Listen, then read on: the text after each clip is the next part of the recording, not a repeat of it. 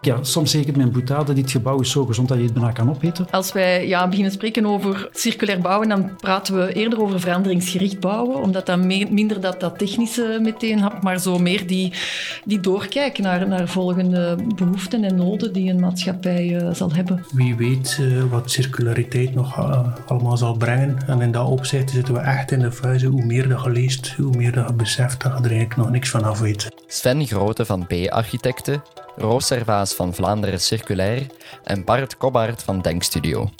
Alle drie zijn ze ervan overtuigd dat circulair bouwen de toekomst is. En alle drie wonnen ze een Belgian Building Award voor wat ze gepresteerd hebben op het vlak van circulair bouwen.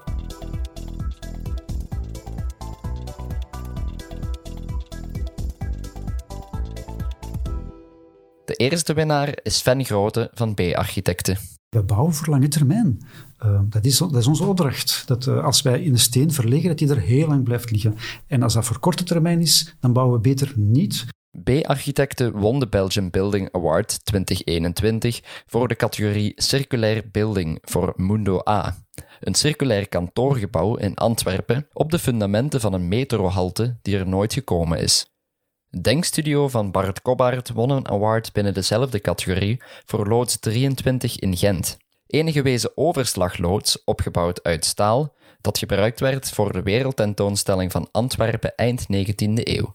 We zijn effectief gegaan voor een, een bouwteamrealisatie, waar we eigenlijk de partners gekozen hebben, niet op basis van eh, de financiën, maar wel op basis van hun inzet voor duurzaamheid.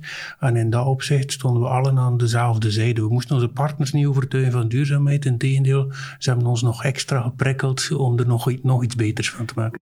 De derde winnaar die we achter onze podcastmicrofoon lieten plaatsnemen is Roos Servaas van Vlaanderen Circulair. Een van de drijvende krachten achter de Green Deal circulair bouwen, waar al meer dan 360 bedrijven zich bij aangesloten hebben. Het pionierswerk dat Roos en haar collega's verricht hebben om circulair bouwen in Vlaanderen van de grond te krijgen, leverde haar de Pioneer Award op van de Belgian Building Awards. En voor mij is daarmee circulair bouwen moet voor mij geen, ja, geen eindpunt zijn. Het is eigenlijk meer een manier waarop om naar dat duurzaam bouwen te gaan. Hiermee hebben we niet alleen de drie winnaars van de Belgian Building Awards voorgesteld, maar ook de drie gasten van onze podcast, waarin we ons buigen over circulair bouwen. Meer bepaald over de rol die architecten hierin kunnen spelen. Mijn naam is Stef Pennemans, ik neem de voice-over en de montage voor mijn rekening. Kevin Moon stond in voor de opname. Het interview werd afgenomen door Rick Neven. Voor we van wal steken nog een dankjewel aan onze structurele podcastpartners. Colors of Communication, communicatiepartner gepassioneerd door technologie, bouw en HR. Wienerberger, meer dan 200 jaar ervaring in baksteen, kleiklinkers en keramische dakpannen. Assiver, verzekeringsmakelaar gespecialiseerd in polissen voor architecten en ingenieurs. En tenslotte Cubus, partner in BIM voor Archicad, Solibri en BIM Collab.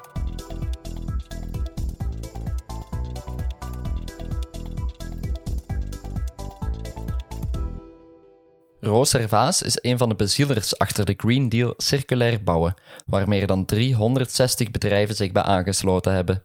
Als circulair bouwen zo leeft vandaag in Vlaanderen, hebben we dat voor een groot deel te danken aan Roos en haar collega's. We veronderstellen dus dat de award die ze tijdens deze podcast kreeg uitgereikt wel heel veel deugd zal doen. Ja, God, het is inderdaad een erkenning wel ehm, voor, voor toch een stuk een, een, eh, een, traject dat we hebben op gang gezet hè, om, om het... Uh, dan toch even... Ja, het is uiteindelijk misschien een stuk van, van wat we moeten doen als, als beleidsmaker en, rond hè, beleidsinnovatie werken en, en kijken van wat zijn de trajecten die nodig zijn om, om zoiets maatschap, allez, maatschappijbreed te kunnen uitrollen.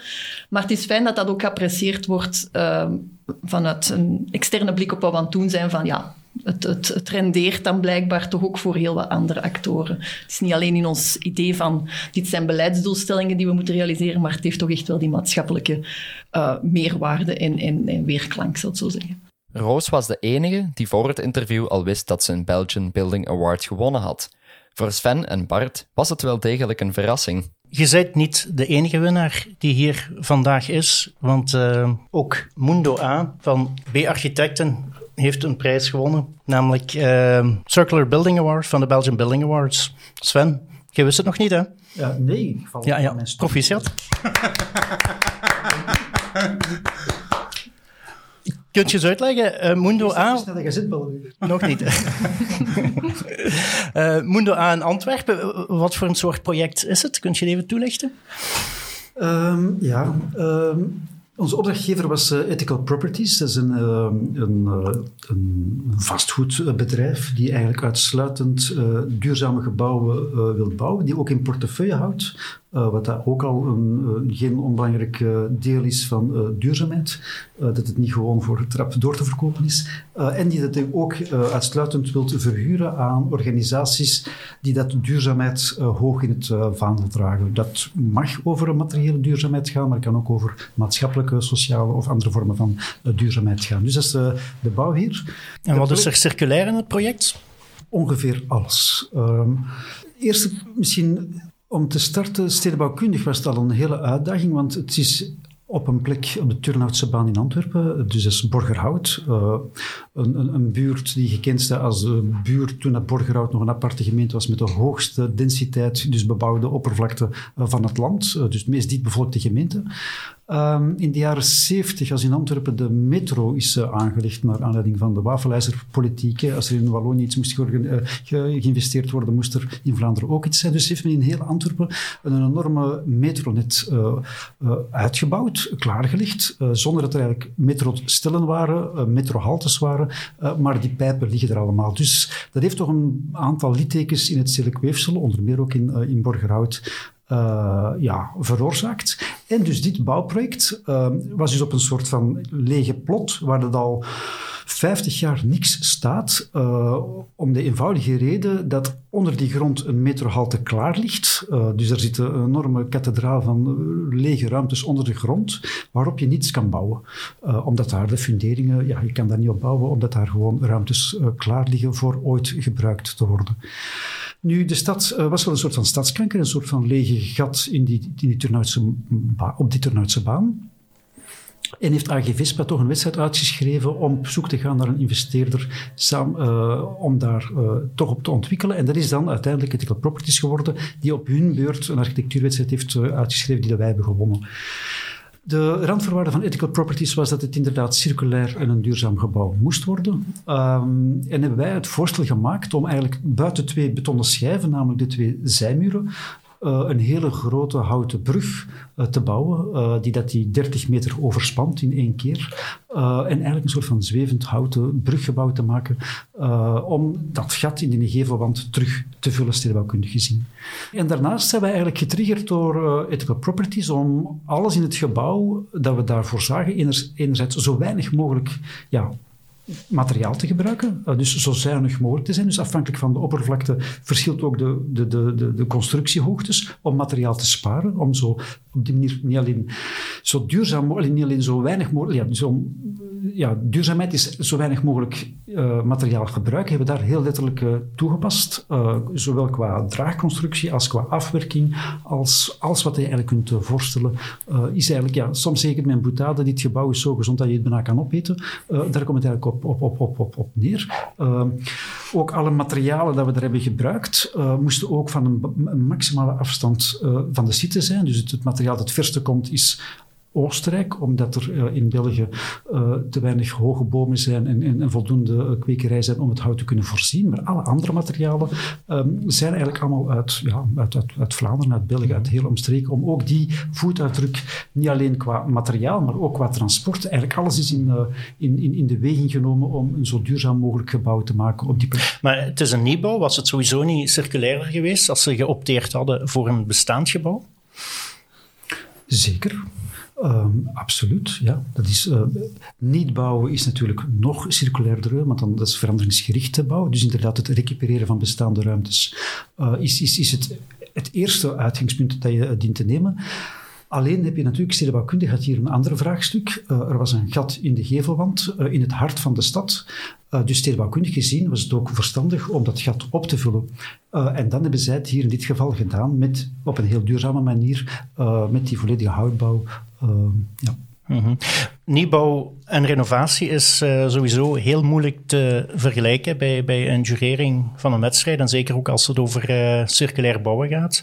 En omdat dat zo moeilijk met elkaar te vergelijken is, heeft de jury dit jaar ook uh, besloten twee prijzen toe te kennen. Niet alleen voor een nieuwbouwproject, maar ook voor een renovatieproject. Dus ook de derde aan tafel gaat naar huis met een Belgian Building Award. Bart Kobbart van Denkstudio voor Loods 23.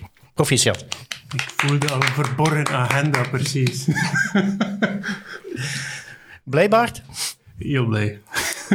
ja. Leg je even uit, wat is loods 23 juist?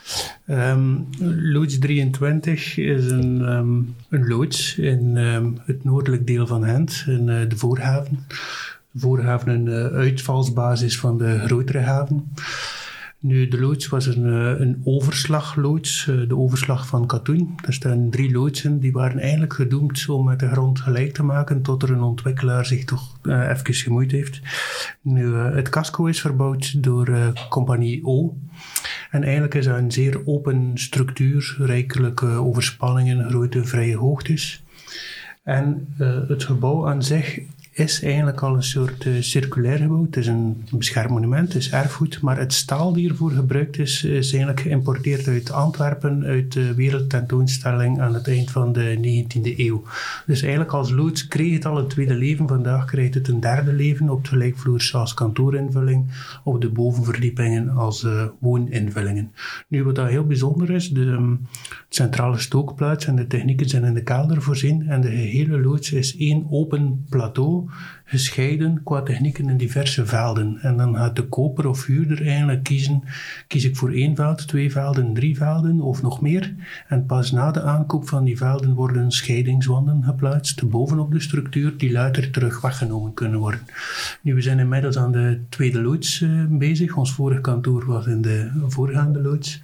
We hebben eigenlijk gemerkt dat het in de praktijk werkt. Een bedrijf breidt uit, neemt een veldje erbij, een scheidingswand uh, verdwijnt, breidt verder uit. We hadden een eh, IT-bedrijf naast de deur, kocht zeven velden tot het uit de voegen barstte, moest verkopen. Dat was te groot en het werd terug opgesplitst naar kleinere entiteiten. En telke malen kunnen de technieken mee evolueren. Als het nu naar ons kantoor, naar de inrichting in, hebben we dan expliciet gekozen voor iets circulairs. Dus we waren eigenlijk van oordeel, we doen het in hout, uh, zekere CO2-neutraliteit uh, nastreven. We zijn gegaan voor uh, droge verbindingen. We zijn gegaan voor een omkeerbaar scenario. En niet onbelangrijk, we hebben heel diep gezocht naar de partners. Um, ik heb al eerder al uh, kritiek geuit dat uh, circulair misschien het nieuwe buswoord wordt, een nieuwe verzamelterm. We lezen het te pas en te onpas. En in dat opzicht, in de keuze van onze partners, zijn we toch iets verder gegaan dan de technische fiches. Dus een partner die er een bepaald uh, sociaal programma aan koppelt, want recycleerbaar wordt daarom niet gerecycleerd. Hè? En in dat opzicht is het belangrijk dat er ook een zekere businessmodel achter schuilt, dat we een zekere garantie hebben op afname of antwoord in de toekomst. Dus we zijn wel blij omdat het een totaal aanpak is. Ook de wijze hoe dat je iets uh, realiseert. Ik weet niet of dat A een openbare aanbesteding was of niet. Bij ons hoefde dat niet. We zijn effectief gegaan voor een, een bouwteamrealisatie, waar we eigenlijk de partners gekozen hebben, niet op basis van de financiën, maar wel op basis van hun inzet voor duurzaamheid. En in dat opzicht stonden we allen aan dezelfde zijde. We moesten onze partners niet overtuigen van duurzaamheid. Integendeel, ze hebben ons nog extra geprikkeld om er nog, nog iets beters van te maken. B-architecten en Denkstudio staan in het Vlaams architectuurlandschap bekend als twee bureaus die sterk begaan zijn met duurzaamheid en circulariteit. Denkstudio van Bart Kobbaert was een van de pioniers in zaken passiefbouw, maar sinds enkele jaren hebben ze ook circulariteit als speerpunt naar voren geschoven in zijn duurzaamheidsstrategie. Bij ons is eigenlijk vrij automatisch gegroeid. We zijn ooit gestart met het energiebewust bouwen. Totdat uiteraard eh, door veel te lezen duidelijk wordt dat het meer is dan dat. Eh, watermaterialen, het sociale, het culturele, stukje erfgoed respecteren. En eigenlijk was dat gewoon een, eh, een extra hoofdstuk. Nu, we zitten in een experimentele fase. In die zin wie weet wat circulariteit nog allemaal zal brengen. En in dat opzicht zitten we echt in de fase, hoe meer dat je leest, hoe meer dat je beseft dat je er eigenlijk nog niks van af weet. Um, dus we gaan zeker niet pretenderen dat alle gebouwen circulair zijn. Voor een hele reeks uh, elementen in het gebouw hebben we zelfs nog geen enkele oplossing gevonden. Dus er is nog een lange weg te gaan.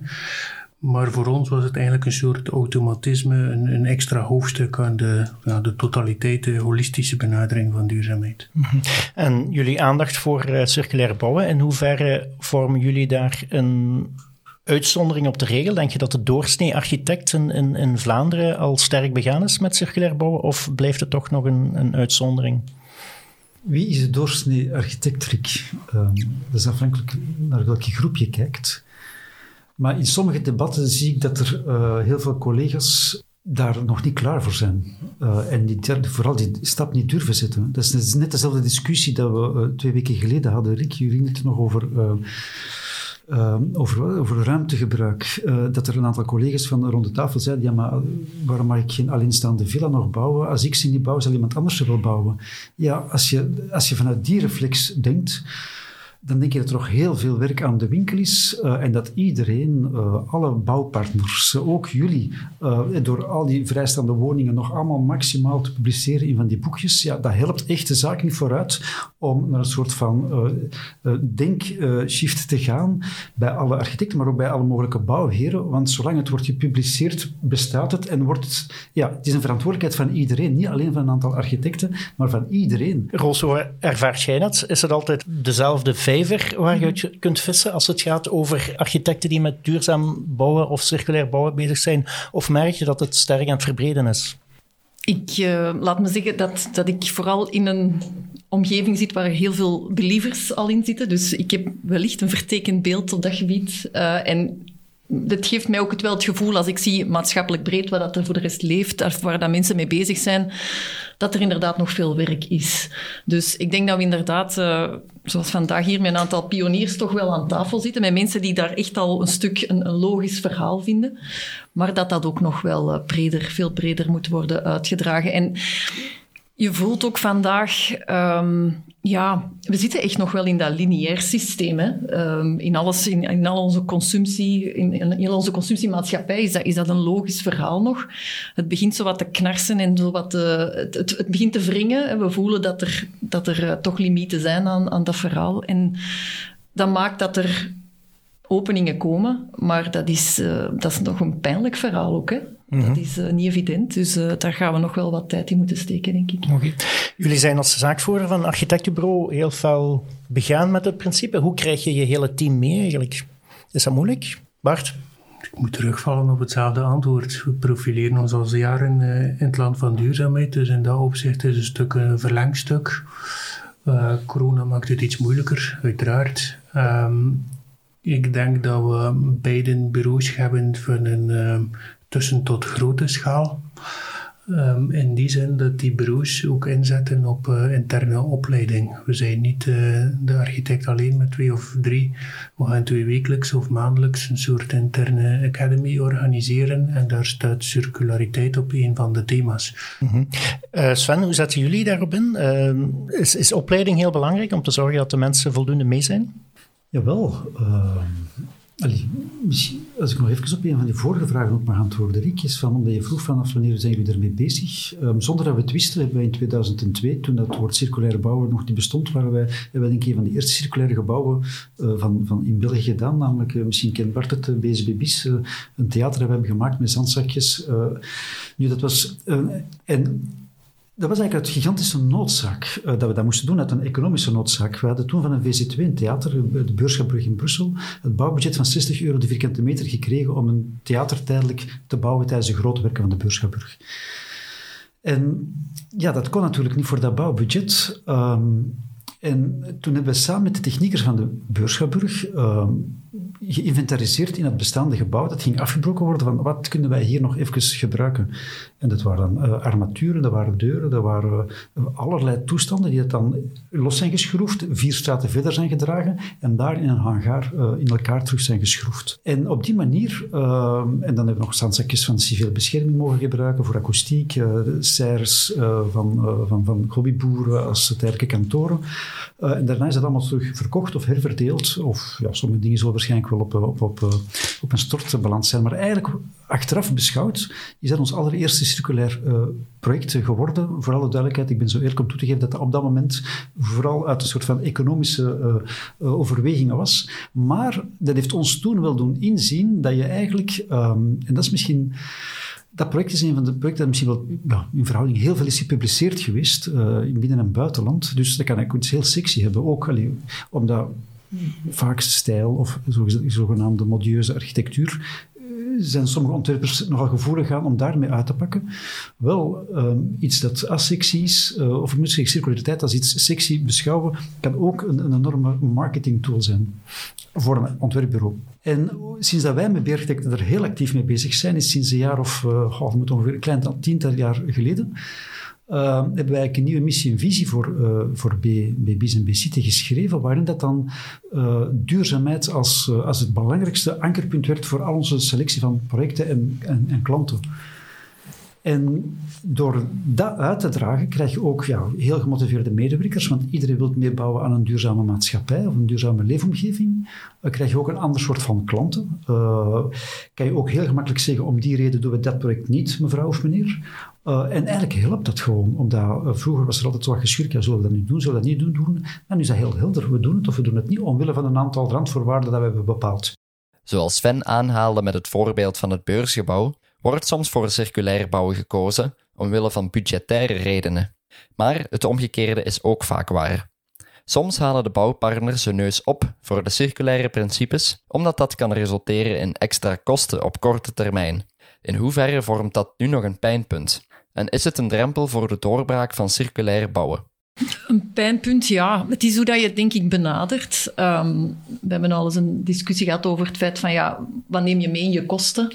Hoe, uh, hoe ga je kosten definiëren? Als je het louter hebt over financiële kosten, maar als je het anderzijds hebt over een aantal baten die vandaag eigenlijk niet worden meegerekend, dan, dan zit je in een veel breder plaatje. Ik vind het ook wel interessant om, om een stuk vanuit een, een, de behoeften van, van de gebruikers uh, te, te redeneren en, en ook daar aan te geven van, kijk, als je vandaag investeert in, in een gebouw, als je een, de tijd als, als een stuk een vierde dimensie meeneemt, dan ga je dat over een veel langer verhaal, of een veel langere tijd kunnen, kunnen, kunnen bekijken. En, en ik denk dat je dan onder andere via ja, lange termijn scenario's van waar wil je naartoe, wat is vandaag je behoefte wat is morgen je behoefte, um, dat je dan wel meer um, gebruikers, maar ook bouwheren kun, kunt overtuigen van toch een, een extra investering te doen.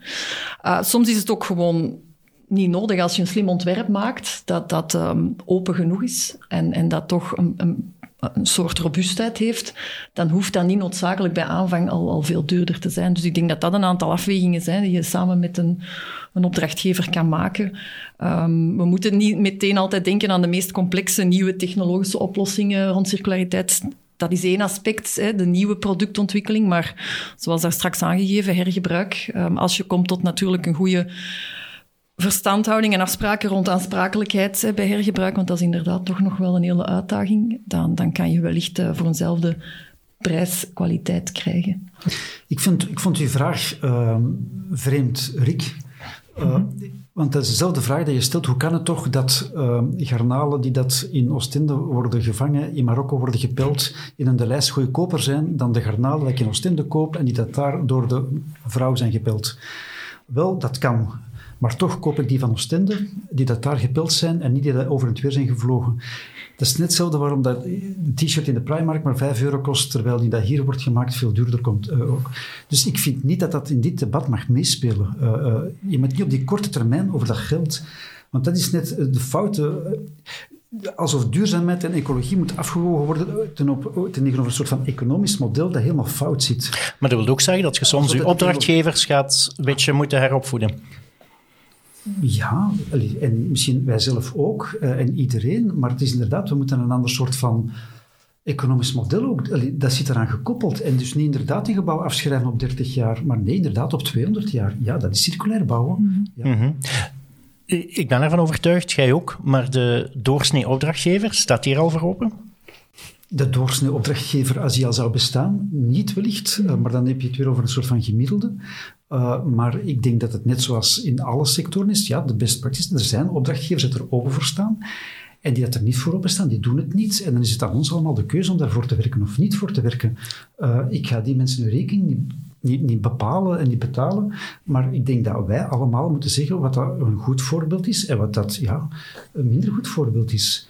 Ehm, maar je mag, ik denk niet dat je daar naar een soort, een soort van gemiddelde in dit soort van discussies moet gaan. Nee, het gaat over circulair bouwen. Ja, dat kost nu vandaag meer, want er zijn een aantal dingen uh, dat daar het gevolg van zijn. Dat klopt. Mm -hmm. Maar op lange termijn natuurlijk maar verdient je dat terug. Ja. Mm -hmm. En we bouwen voor lange termijn. Uh, dat, is, dat is onze opdracht. Dat uh, als wij in de steen verleggen, dat die er heel lang blijft liggen. En als dat voor korte termijn is, dan bouwen we beter niet. Bart, in welke zin gaat een architect die echt inzet op circulair bouwen anders te werk in zijn ontwerp dan een architect die dat niet doet? Hoe moet je te werk gaan om een, een circulair project te ontwerpen? Waarin verschilt dat van, van een traditioneel project? We maken eigenlijk heel veel ontwerpen, uiteraard op vragen op maat van de klant. Maar eigenlijk toetsen we die vraag, dat programma van eisen af aan ook een uh, fictieve andere opdrachtgever in de toekomst. En we proberen onze klanten daarmee te confronteren. Heel praktisch, heel kleinschalig voorbeeld.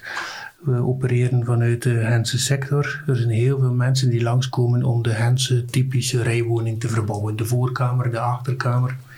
Dat blijkt in de praktijk eigenlijk een zeer modulair en zeer flexibel gebouw te zijn. Want de voor- of achterkamer heeft een vrij neutrale vertreksmuit, 4 op 4, 4 op 5, zoiets. En over de generaties heen blijkt dat veel in zich te kunnen dragen. Dat wordt de woonkamer, de keuken, de overmaatse badkamer, de speelkamer, de slaapkamer enzovoort. En het gebouw wat heel veel mensen misschien onvoldoende sexy vinden dan in de architectuur, blijkt flexibel over diverse generaties heen. Heel veel vrijstaande woningen die zeer sterk op maat gemaakt zijn, hebben um, heel grote diversiteit tussen de ruimtelijkheid. De woonkamers, de keukens, de slaapkamers zijn zo divers dat we nu al weten dat de volgende generatie langskomt, kunnen we dat verbouwen. Dat is niet helemaal op mijn maat. Het is niet helemaal de functionaliteit die ik hier voor ogen hou.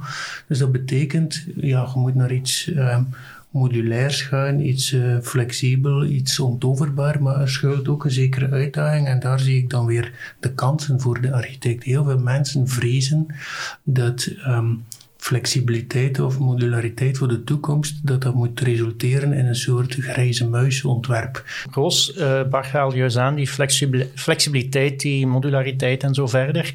Heel belangrijke principes van circulair bouwen, want er zijn nog veel architecten die circulair bouwen vereenzelvigen met de keuze van circulaire materialen, maar het gaat veel verder dan dat. Ja, ik denk... Um Allee, voor zover dat wij het, het vandaag uh, die berichten krijgen of, of de, de input krijgen, je merkt dat men meteen naar het technische gaat, hè, naar het technische verhaal. En, en dan proberen wij toch even te zeggen, maar, ja, maar uw ontwerp aan zich, dat is eigenlijk waar dat je mee moet beginnen. En, en daar gaan kijken van wat is, wat is de behoefte van uw gebruiker. En, en zoals dat Bart het zegt, durf, durf daar verder naar kijken. Hè. Durf dat toch uh, in een bredere context te zien.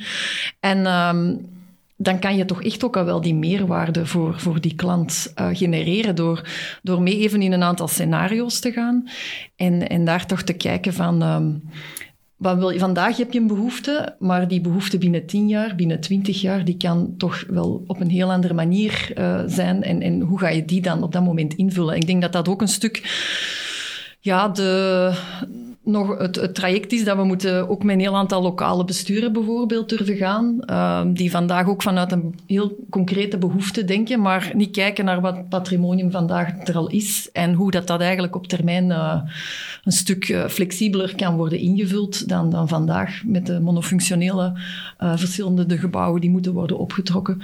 Dus um, als wij ja, beginnen spreken over... Um, circulair bouwen, dan praten we eerder over veranderingsgericht bouwen, omdat dat meer, minder dat, dat technische meteen had, maar zo meer die, die doorkijken naar, naar volgende behoeften en noden die een maatschappij uh, zal hebben. Ik denk dat dat wel uh, ook een stuk de mensen dan zo meer, meer um, op hun gemak stelt en meer zo het, ah ja, ja, ja, dat is waar. We moeten eigenlijk meer in die richting denken. En dat dat ook al een stuk um, maakt dat men minder um, argwaan heeft van ja, het gaat hier louter om een zwaar technologische of technische uitdaging. Um, ik denk dat er ja, uh, dat het een, een, een, maatschappelijke uitdaging is die we daarin meer moeten, moeten erkennen. Sven, dus we hebben juist uh, gezien, het gaat veel verder dan, de materiaalkeuze, maar de materiaalkeuze blijft ook wel een, een belangrijk aspect. Uh, hoe kiezen jullie jullie materialen? Is dat echt uh, op basis van, van die duurzaamheid, van die circulariteit? Of um, hoe maken jullie die keuze? Oh, dat is een beetje uh, afhankelijk van project tot project natuurlijk. Ehm, misschien even ja, terug te komen op wat Roos en Bart zeiden. Eerst proberen te inventariseren van um, wat, wat we moeten bouwen, zijn we min of meer zeker van dat heel lang zou kunnen blijven staan. Uh, en dat zou je dan ook in een materiaal kunnen bedenken dat ook daar tegen die tijd tegen kan. Hè? Want heel veel materialen hebben ook een soort van beperkte levensduur.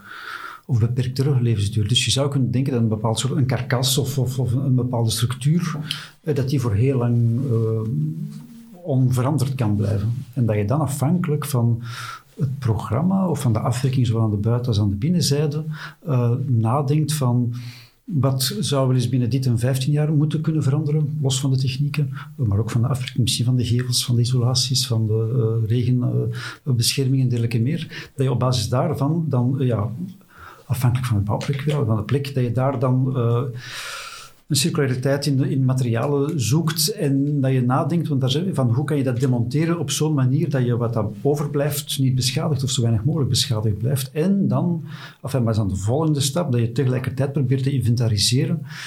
Uh, want daar is vandaag een gigantische ja, leegte, denk ik nog altijd. Dat er een soort van databank is, een soort van uh, post-interventiedossier, hoe moet ik het noemen, waaruit zou kunnen blijken dat binnen 30, 40, 50, 100 jaar men weet, ah ja, in dat gebouw kunnen we dat hergebruiken, dat er een soort van databank van bestaat. Want daar is vandaag wel kennis van dat er nood aan is, maar ik heb nog heel weinig mensen gezien die daar na een soort van definitief ontwerp zeggen van oké, we gaan er volledig voor, wij zullen die rekening wel uh, willen betalen. Een inventaris van de gebruikte materialen in een gebouw. In het jargon van circulair bouwen noemt men dat een materialenpaspoort. Dat is zonder meer de toekomst, maar de gebouwen die vandaag al over een dergelijk paspoort beschikken in Vlaanderen, kan je op twee of misschien zelfs op één hand tellen. Rooservaas erkent dat daar nog veel werk aan de winkel is, maar dat er toch wel progressie gemaakt wordt. We merken nu die digitalisering in de bouw heeft zich wel ingezet. Hè. BIM is een, is een, een trend die, uh, denk ik, uh, nog een aantal jaren gaat vragen, maar dat we daar echt wel uh, vertrokken zijn. En op basis van, of, of met behulp van, van zo'n technieken of van, van die digitalisering, zullen we veel meer data kunnen verzamelen, want daar gaat het dan om, hè, die data verzamelen, maar die dan ook ergens in een format steken die binnen 20, 30 jaar nog leesbaar is en die we nog kunnen uh, interpreteren. Daar zitten we wel voor een uitdaging. Nu, um, we merken, we hebben een aantal projecten nu lopen vanuit uh, een subsidieproject uh, van de gerichte kool circulair bouwen. Um, daar zien we dat er een aantal partijen toch bottom-up um, vertrekken en zeggen van wij gaan een gebouwenpaspoort maken voor de gebouwen die we zetten. Dat is voor ons een, ook een randvoorwaarde nu geworden of een eis.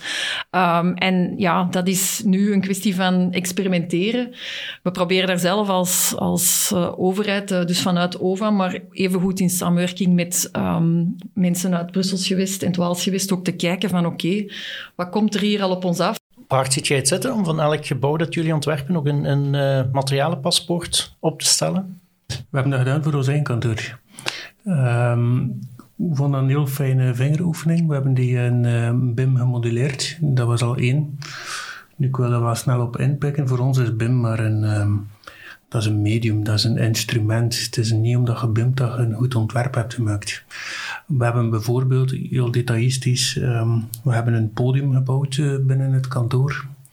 En heel vaak wordt dan gekozen voor een laagsgewijze opbouw van de houten vloer. Balkjes, een of ander plaatmateriaal, akoestisch uh, te veel als een klankkast functioneren, dus dan toch nog maar een matje en een uh, dekvloer erbovenop enzovoort. En hier hebben we specifiek gekozen voor, uh, nee dat doen we niet. We gaan maar één materiaal inzetten, één laag toegepast. Heel veel houten balkjes, al is het het balkje van de stelling van de aannemer, plaatsen we naast elkaar. En dat structuur, dat is afwerking, we lopen daarop. Oké, dat wordt vuil, dat is, dat is een dynamische cafévloer.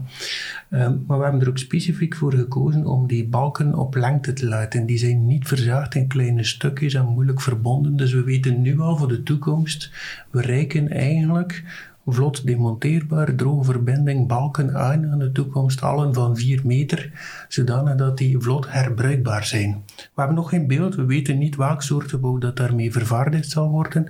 We weten wel, we reiken een product aan die niet getransformeerd moet worden om nog eens toe te passen te kunnen worden in eender welk ontwerp. Ja. Circulaire materialen en biobased materialen worden vaak in één adem genoemd. Het feit dat een materiaal een natuurproduct is, vormt zeker een troef volgens Bart maar anderzijds mogen we ons daar niet op blind staren. En zijn er andere aspecten die zeker zo belangrijk zijn? Goh. Biobased materialen, op, op zich is dat belangrijk. Nu omgekeerd, het is onhaalbare kaart om straks allen in uh, stroobalen bouw te gaan bouwen, uh, kalkhennep en zo verder. Op zich zijn dat allemaal fijne projecten, maar we kunnen niet de gehele bouwmarkt ernaar uh, evolueren. En in dat opzicht geloof ik veel meer in het ruimtelijke aspect, uiteraard als architect, maar eigenlijk in de, flexibele gebouwen dan toch weer de definitie van Bob van Reet. Dat ze 200 jaar blijven rechtstaan, die gebouwen. Mhm, oké. Eh, Sven, in hoeverre ziet jij circulair bouwen en duurzaam bouwen als synoniemen? Ik denk dat ze complementair zijn. Hè? Uh, synoniemen, denk ik, taalkundig gezien, zal niet helemaal kloppen. Uh, maar ik denk dat het een, ik denk dat het een inherent deel uitmaakt van het andere. Ehm, omdat volgens mij, als je duurzaam bouwt, is het per definitie uh, circulair. Anders zie ik weinig redenen waarom het uh, duurzaam zou zijn. Uh, ik kan me niet voorstellen dat een eh, niet duurzaam gebouw circulair is. Want, of omgekeerd. Dus ik denk dat het, het zijn twee andere begrippen die daar onlosmakelijk met elkaar verbonden zijn. Dus ik zie wel een complementair die twee begrippen. Mhm. Hoe zien jullie dat, Goos? Ik, sta, ik kan me wel wat vinden in, in uh, wat Sven zegt. Um, ik ben blij dat we ook ja, een stuk. Ik, heb vanaf uh, 2009, 2010 um, ben ik rond dat thema bezig van duurzaam materiaalgebruik in de bouw. En ik vond dat altijd zo toch een geitenwolle sokken verhaal om te brengen. Ik vond dat, ja, ik vond dat moeilijk omdat.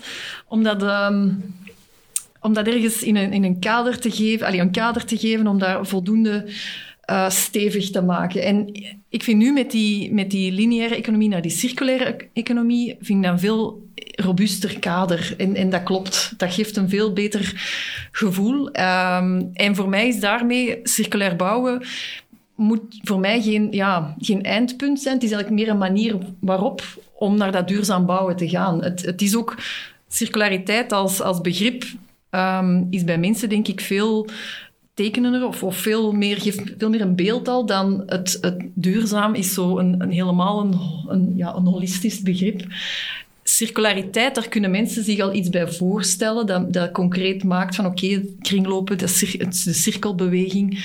Dus ik ben ook wel, ja, die term toch wel heel dankbaar nu, omdat ik dat toch een, een, een meer een hands-on term uh, vind om, om stappen te zetten. En ik zeg het, um, it does make sense in een circulaire economie of naar een circulaire economie gaan. Ik vond dat altijd een heel moeilijk traject in de lineaire economie, duurzaam materiaalgebruik. Voor wie doe je het? Hoe doe je het? Uh, ik vind nu meer dat we echt ja, in die shift zitten, in die transitie zitten. En, en dat verhaal dat brengt meer coherentie. Daarnet werd de vraag gesteld, hoe kiezen jullie partners? Uh, ieder gebouw is anders, ieder opdrachtgever is anders. Nu, een circulair businessmodel schuilend achter een circulair product was voor ons een zeer belangrijke overtuigingskracht om voor een product te kiezen.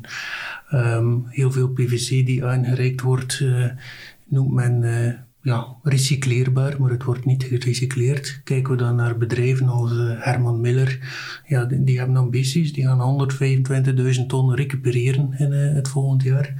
Kijken we naar uh, onze tapijtgigant Desso, die maakt eigenlijk tapijten uit vliegtuigbannen, uit recyclage van tapijten. En die zijn eigenlijk nu al voor aan de partij om het tapijt die we toegepast hebben op het kantoor straks terug te krijgen. Die hebben het überhaupt nodig om hun nieuwe product te kunnen realiseren. Dus je weet, er is een kringloop en die is geloofwaardig. En die kringloop hoeft niet steeds binnen de bouwsector te zijn. Als we kijken naar de methische katoenisolatie, die gaan eigenlijk ja, de, katoenbroeken, de jeansbroeken die onvoldoende uh, kwalitatief nog zijn om eigenlijk een tweede leven als kledingstuk te geven, die worden ingezameld, die worden in een sociaal tewerkstellingsprogramma uh, terugvervaardigd tot isolatie. Dus in dat opzicht, het businessmodel kan verder gaan dan de sector aan zich die zelf gaat uh, recupereren. Maar voor ons, een van de belangrijkste parameters in de keuze van de toegepaste producten. Naar de goede gewoonte sluiten we af met een favoriete quote van onze praatgasten. Roos mag de spits afbijten. Ik dacht daar straks dat uh, Sven hem al ging kapen. Uh, ik heb er eentje genomen. Het is, het is een... Uh, het, is ja, het is eigenlijk echt wel vanuit een holistische benadering, maar ik, vind, ik blijf daarbij, uh, het is al vaak geciteerd, maar we hebben de wereld niet geërfd van de vorige generatie, maar we hebben in bruikleen van volgende generaties. En dat maakt toch echt wel dat je, als je gaat bouwen, als je gaat ontwerpen, dat je dat moet doen met die, om, om een maximale meerwaarde te creëren. En die meerwaarde toch wel in de breedste betekenis van het woord. En, en dat maakt dat je dat toch wel met een zekere verantwoordelijkheidszin uh, moet oppakken. Ik, vind, ik blijf daarbij, dat is een heel belangrijke drijfveer, denk ik. Of moet dat zijn? En was dat een quote van Thomas Rauw ook? Nee, nee, nee. Dat is eigenlijk al van... Um, vanuit de... Brundtland-rapport. Uh, eigenlijk zijn de, de Native Americans die dat eigenlijk uh, ooit hebben aangegeven. Hè, van, uh, vanuit de Indianencultuur al van, kijk, wij erven hier uh, niks, maar wij hebben het in bruiklijn voor volgende generaties, dus het gaat al heel lang mee. Ja. Wie het hoeft. Bart? Wel, uh, ik ben toch een keer gaan plukken op eigen website. En uh, ik lees hier, hè, velen zien de verandering om ons iets uh, van bang van te zijn.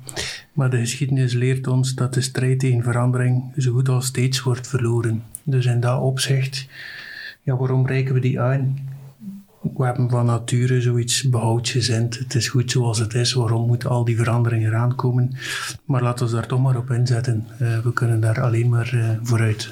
Ik ben ook benieuwd naar de, de uitspraak van, uh, van Sven. Ik heb daar net al eentje gehoord dat uh, een gebouw zo gezond is dat je het kunt opeten. Dus uh, nog zo'n zinnetje. Sven. ja, ja ik, ik heb eigenlijk niks voorbereid. Wat nu? Nee, nee. Ja, de... Maar moet het met, moet met circulair bouwen te maken hebben? Nee, ik kan, ik kan gewoon zeggen wat, ik, wat ik vind. Wat dan, het, moet over architectuur gaan, stedenbouw. De, ja, mijn quote zou zijn, of is, maar ik moet hem misschien nog verfijnen. Dus ik, hem, ik denk dat wij als architect, um, stel dat wat we maken een theatervoorstelling is, dan denk ik dat de rol van de architect niet de scenograaf is, maar de regisseur. Um, en waarmee bedoel ik dan? Dat, dat wij niet moeten uh, vorm geven, maar wij moeten de mogelijkheden creëren zodat er dingen kunnen ontstaan en kunnen beleefd worden, zoals een regisseur. Uh, en ik uh, wil niet naar andere architecten kijken, maar ik denk dat we soms te veel met vorm bezig zijn en te weinig met beleving of uh, hoe dat er moet geleefd worden. En dat is voor mij de definitie van duurzaamheid. niet iets vormgeven, maar organiseren hoe dat iets kan beleefd worden. Dat is voor mij de rol van een architect of een stedenbouwkundige. De rol van de architect als regisseur om te komen tot een duurzaam eindresultaat. Een mooie gedachte om deze podcast mee af te sluiten. Nog eens bedankt en proficiat met de Belgian Building Award voor Roos Servaas, Sven Grote en Bart Kobaert. Ook een dikke dankjewel aan onze structurele podcastpartners. Cubus, partner in BIM voor Archicad, Solibri en BIMCollab. Assiver, verzekeringsmakelaar gespecialiseerd in polissen voor architecten en ingenieurs. Wienerberger, meer dan 200 jaar ervaring in baksteen, kleiklinkers en keramische dakpannen. En tenslotte Colors of Communication, communicatiepartner gepassioneerd door technologie, bouw en HR. Heeft deze podcast u kunnen boeien? Luister dan zeker ook naar onze andere podcasts en blijf onze website volgen. Architectura.be schotelt je het meest relevante architectuurnieuws voor. En Circubeeld houdt de vinger aan de pols in zaken circulair bouwen. Tot horens!